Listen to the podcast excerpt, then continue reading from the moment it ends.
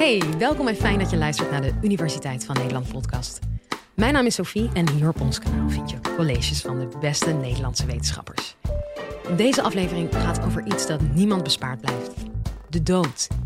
Praten over de dood is niet makkelijk, want niemand vertelt je hoe dat moet. En daardoor blijft het vaak onbesproken. Zonde vindt Judith Rientjes van het Erasmus Medisch Centrum. Want een goed gesprek over de dood kan het zoveel makkelijker maken voor patiënt en nabestaanden.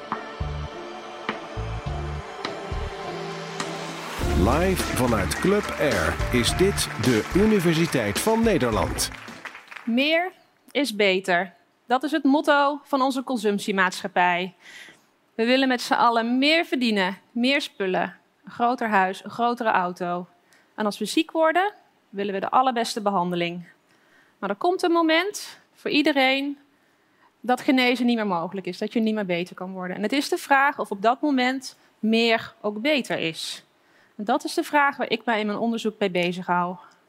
Daar wil ik jullie wat over vertellen. En om dat te doen, ga ik jullie eerst uitleggen hoe sterven en doodgaan in de afgelopen 100 jaar drastisch veranderd is. Waarom het belangrijk is dat we ons voorbereiden op ons overlijden. Waarom het eigenlijk heel erg moeilijk is, maar hoe je dat toch kan doen, kan proberen. Nou, hoe gaan mensen dood? 100 jaar geleden gingen mensen dood voornamelijk plotseling en onverwacht als gevolg van een infectieziekte. Geen zorg en behandeling. Mensen gingen jong dood, vaak thuis in een vertrouwde omgeving. Het was eigenlijk een snel event. Tegenwoordig, als gevolg van alle medische en technologische vooruitgang, zijn wij steeds beter in staat om mensen te genezen en het leven heel erg lang te rekken. En dat is mooi. Het gevolg daarvan is dat we tegenwoordig doodgaan als gevolg van een ziekte, bijvoorbeeld kanker of orgaanfalen, waarbij we een periode van zorg ontvangen, behandelingen ontvangen, en waarbij mensen niet thuis overlijden, maar vaak in het ziekenhuis. We kunnen dus wel stellen dat in de afgelopen 100 jaar hoe we overlijden en het moment waarop we overlijden, dat dat drastisch veranderd is. En dat het sterven eigenlijk gemedicaliseerd is. Wat betekent dat? Dat betekent dat mensen in de laatste levensfase vaak nog zorg en behandelingen krijgen. En dat is niet altijd wat mensen willen. Um, behandelingen kunnen uh, heel erg zwaar zijn, ze kunnen duur zijn, ze kunnen bijwerkingen hebben, ze kunnen complicaties hebben. En in de laatste levensfase is dat niet prettig. Hè? We weten bijvoorbeeld als we aan mensen vragen: hoe zou jij dood willen gaan? Wat is voor jou een goede dood? Dat mensen zeggen: voor mij is een goede dood. Dat zeggen veel mensen. Kwaliteit van leven, vrij van pijn, vrij van symptomen, omringd door naasten, door met dierbaren en het, het doen van betekenisvolle activiteiten. Mensen zeggen ook dat ze thuis willen overlijden. 80% van de mensen geeft dat aan. Maar we weten ook dat ongeveer 30% van de mensen uiteindelijk maar thuis overlijdt. Het overlijden is dus gemedicaliseerd. Het gevolg daarvan is dat mensen overbehandeld zijn. En dat is een probleem. Nou, hoe kun je dat nou voorkomen? We hebben in Nederland daar een wettelijk kader voor. Dat is de WGBO, dat is de Wet Geneeskundige Behandelingsovereenkomst. En die stelt dat mensen behandelingen mogen weigeren. Ze mogen juridisch gezien behandelingen weigeren. Detail daarbij is trouwens dat je als patiënt geen behandeling mag opeisen. Dus je mag niet zeggen, nou, ik wil nu die operatie of ik wil nu bijvoorbeeld euthanasie. Je kan geen behandeling eisen, maar je mag wel weigeren. Dus je zou kunnen denken, mensen willen sommige behandelingen misschien niet, die weiger ik. Maar in de laatste levensfase is het vaak zo dat mensen zo ziek zijn, of al buiten bewustzijn zijn, of in coma zijn, of dat de behandelingen, behandelbeslissingen zo snel genomen moeten worden, dat jij niet meer voor jezelf kan spreken. En dat is ingewikkeld. Dus wat belangrijk is, is dat mensen tijdig bij zichzelf nagaan wat ze voor behandelingen en zorg zouden willen wanneer ze zieker worden. En dat bespreken met hun naasten, met hun dokters. Dat heet ook wel advanced care planning. Ik ga jullie zo meteen uitleggen wat dat precies is en hoe dat moet.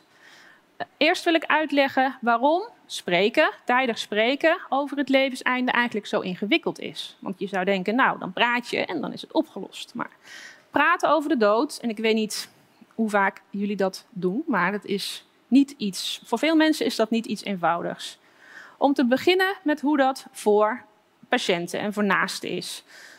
Nou, je kan je denk ik voorstellen dat het je voorstellen dat je zelf doodgaat is misschien wel het moeilijkste, het, het, heftigste wat je zou kunnen doen. Het hè, geconfronteerd worden met een ongeneeslijke ziekte, dat is vreselijk moeilijk. Het gaat vaak gepaard met enorme angst, veel verdriet, zowel voor de patiënt als voor de naaste.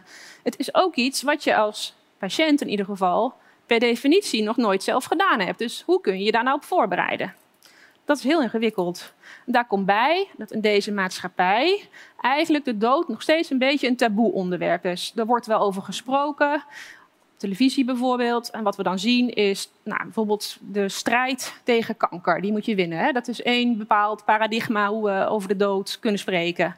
En een ander paradigma is dat je het kan hebben over euthanasie. Dat je de regie wil nemen en dat je onder bepaalde omstandigheden um, ja, niet meer verder wil leven. Een arts wil uh, dat een arts jou komt helpen bij het beëindigen van het leven. Maar eigenlijk komt euthanasie maar 4, 4,5 procent van alle overlijdens voor. Dus dat is eigenlijk maar een fractie van hoe mensen doodgaan. En dat gaat een beetje voorbij aan wat eigenlijk echt belangrijk is. En dat is dat gesprek. Dat is dus voor mensen moeilijk. Voor dokters is dat ook een heel moeilijk gesprek. En dat is misschien moeilijker voor te stellen, want zij hebben overlijdens vaak gezien, meegemaakt, weten wat beter wat patiënten kunnen verwachten. Dus misschien zou je denken, nou die dokter kan mij helpen bij dat gesprek. Dat is misschien ook wel zo. Maar dokters zijn opgeleid om mensen te genezen, om mensen in leven te houden, om ja, ervoor te zorgen eigenlijk dat die ziekte zo snel mogelijk weggaat. Dat is voor dokters vaak heel moeilijk, zien we in ons onderzoek, om met een patiënt een goed gesprek te voeren over wat je gaat doen als iemand niet meer beter kan worden. Eigenlijk zou je kunnen zeggen dat in de laatste levensfase patiënten en naasten en dokters elkaar een beetje in de houtgreep houden. Die dokter vindt het moeilijk om de hoop op te geven, om dat gesprek te starten.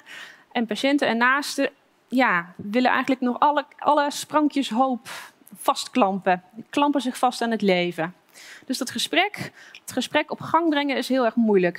En dat zien we ook in ons onderzoek. We zien bijvoorbeeld dat twee derde van de mensen die gaan overlijden, hebben in die periode daarvoor niet of te laat met hun dokter gesproken over ja, de zorg en de behandelingen die nog gaan komen, de beslissingen die nog genomen moeten worden.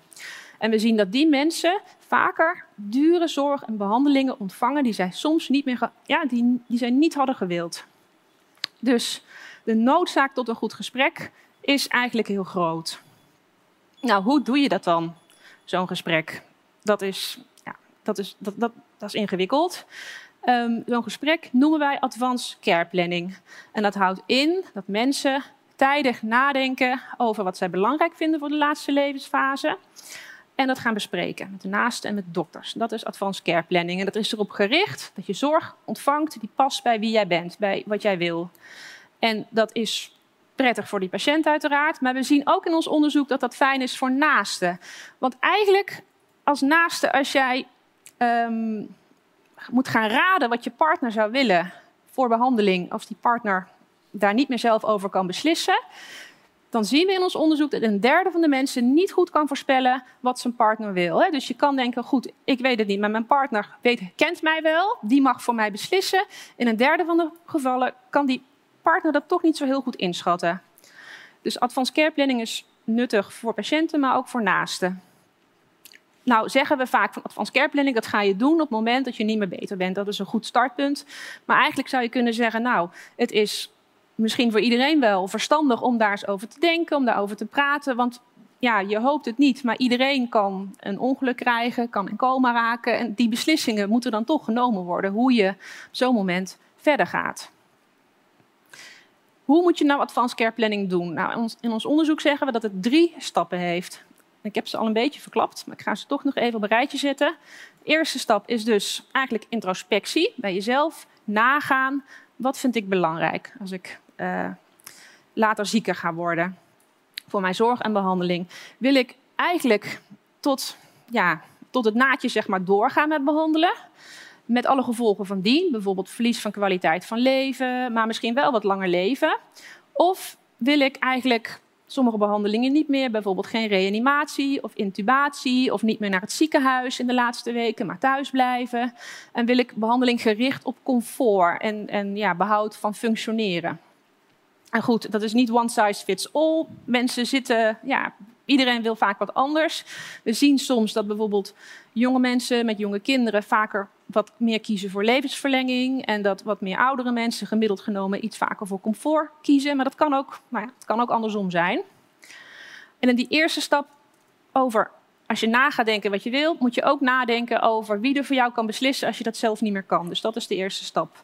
En de tweede stap ga je die wensen voor zorg en behandeling bespreken met je naasten en met je zorgverleners. Dat kan de huisarts zijn, dat kan een oncoloog zijn. En het is bij belangrijk dat die dokter ook gaat kijken of dat een beetje realistische wensen zijn. Want soms hebben mensen ideeën die niet helemaal fitten met wat werkelijk mogelijk is. Dus dat gesprek met die dokter is heel belangrijk. Alleen de derde stap, de laatste stap, kun je die wensen vastleggen in een wilsverklaring. Dat is niet noodzakelijk, maar dat is soms wel een prettig kader om het even vast te leggen. Dan is het wel belangrijk dat je die wilsverklaring update op het moment dat je wensen veranderen. Want als je zieker wordt of ouder wordt, ja, kunnen je ideeën over wat goed is, dat weten we, die veranderen. Dus het is eigenlijk niet een momentopname, advanced care planning, het is een proces waarin je dat blijft doen. Vroeger trouwens was advanced care planning vooral het invullen van dat document. Een soort vinkje zetten in het formulier. Maar wat wij laten zien is dat als het meer een proces wordt waarin dat gesprek centraal staat, dat het veel effectiever is en dat mensen dus op die manier beter de zorg krijgen die zij belangrijk vinden, die bij ze past. Nou, even samenvattend wat ik heb gezegd. Wat ik heb laten zien is dat medicaliseren van het overlijden kan leiden tot overbehandeling, verlies van regie en ook wel verlies van kwaliteit van leven. En dat advanced care planning mensen kan helpen om wat meer regie te nemen en ook naast te kan ondersteunen in dat proces. Om helemaal terug te komen op het begin, is meer dan altijd beter. Nou, naar mijn idee is in die laatste levensfase meer niet altijd beter. En je zou zelfs wel kunnen zeggen dat voor een goede dood een goed gesprek even goed of misschien belangrijker nog wel kan zijn dan de allerbeste werkende pil. Nou, nu hoop ik voor jullie dat het overlijden en de dood nog heel ver weg is. Maar ik hoop ook dat ik jullie een beetje aan denken heb gezet. Misschien dat jullie uh, voor jezelf hier eens over na willen denken. Of hier met je naasten, met je partner, met je kinderen of met je ouders, met je grootouders een keer over zullen willen praten. Want ik denk uiteindelijk is toch de dood iets wat ons allemaal aangaat. Dank jullie wel. Ik hoop dat je het een mooi college vond. Iedere week uploaden we op dit kanaal twee nieuwe podcasts. Met volgende keer een iets lichter onderwerp, want we gaan het hebben over drugs. Dus dan maken we er een feestje van. Mijn naam is Sophie Frankemolen. Dankjewel voor het luisteren en tot dan!